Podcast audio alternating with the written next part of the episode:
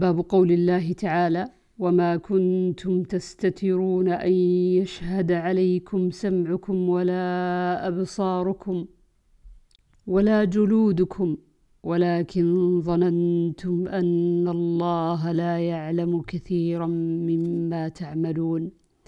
عن عبد الله رضي الله عنه قال اجتمع عند البيت ثقفيان وقرشي أو قرشيان وثقفي كثيرة شحم بطونهم قليلة فقه قلوبهم.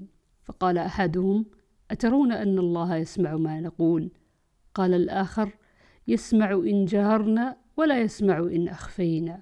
وقال الآخر إن كان يسمع إذا جهرنا فإنه يسمع إذا أخفينا.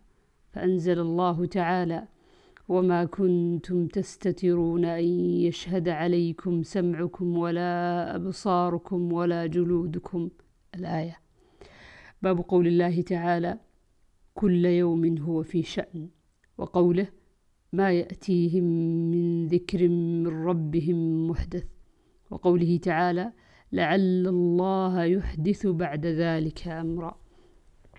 وأن حدثه لا يشبه حدث المخلوقين.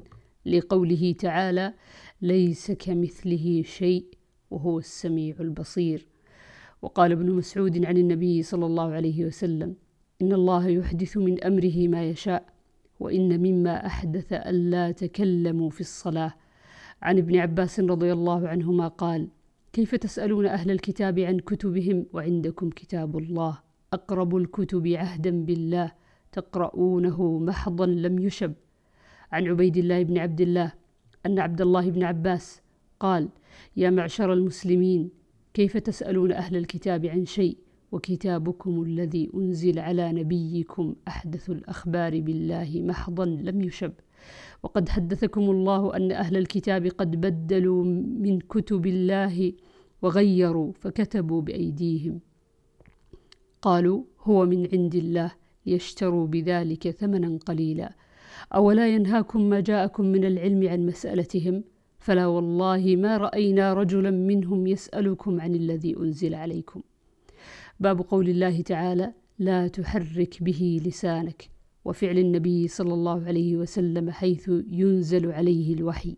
وقال أبو هريرة عن النبي صلى الله عليه وسلم قال الله تعالى أنا مع عبدي إذا ذكرني وتحركت بي شفتاه. عن ابن عباس في قوله تعالى لا تحرك به لسانك قال كان النبي صلى الله عليه وسلم يعالج من التنزيل شدة وكان يحرك شفتيه فقال لي ابن عباس أحركهما لك كما كان رسول الله صلى الله عليه وسلم يحركهما فقال سعيد أنا أحركهما كما كان ابن عباس يحركهما فحرك شفتيه. فأنزل الله تعالى لا تحرك به لسانك لتعجل به إن علينا جمعه وقرآنه. قال جمعه في صدرك ثم تقرأه فإذا قرأناه فاتبع قرآنه. قال فاستمع له وأنصت ثم إن علينا أن تقرأه. قال فكان رسول الله صلى الله عليه وسلم إذا أتاه جبريل عليه السلام استمع فإذا انطلق جبريل قرأه النبي صلى الله عليه وسلم كما أقرأه. باب قول الله تعالى وأسروا قولكم أو اجهروا به إنه عليم بذات الصدور. ألا يعلم من خلق وهو اللطيف الخبير. وقوله وأنا يتسارون. عن ابن عباس رضي الله عنهما في قوله ولا تجهر بصلاتك ولا تخافت بها. قال نزلت ورسول الله صلى الله عليه وسلم مختف بمكة فكان إذا صلى بأصحابه رفع صوته بالقرآن فإذا سمعه المشركون سبوا القرآن ومن أنزله ومن جاء به فقال الله لنبيه صلى الله عليه وسلم ولا تجهر بصلاتك.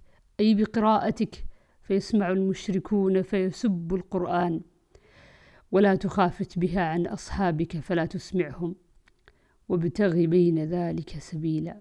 عن عائشة رضي الله عنها قالت نزلت هذه الآية ولا تجهر بصلاتك ولا تخافت بها.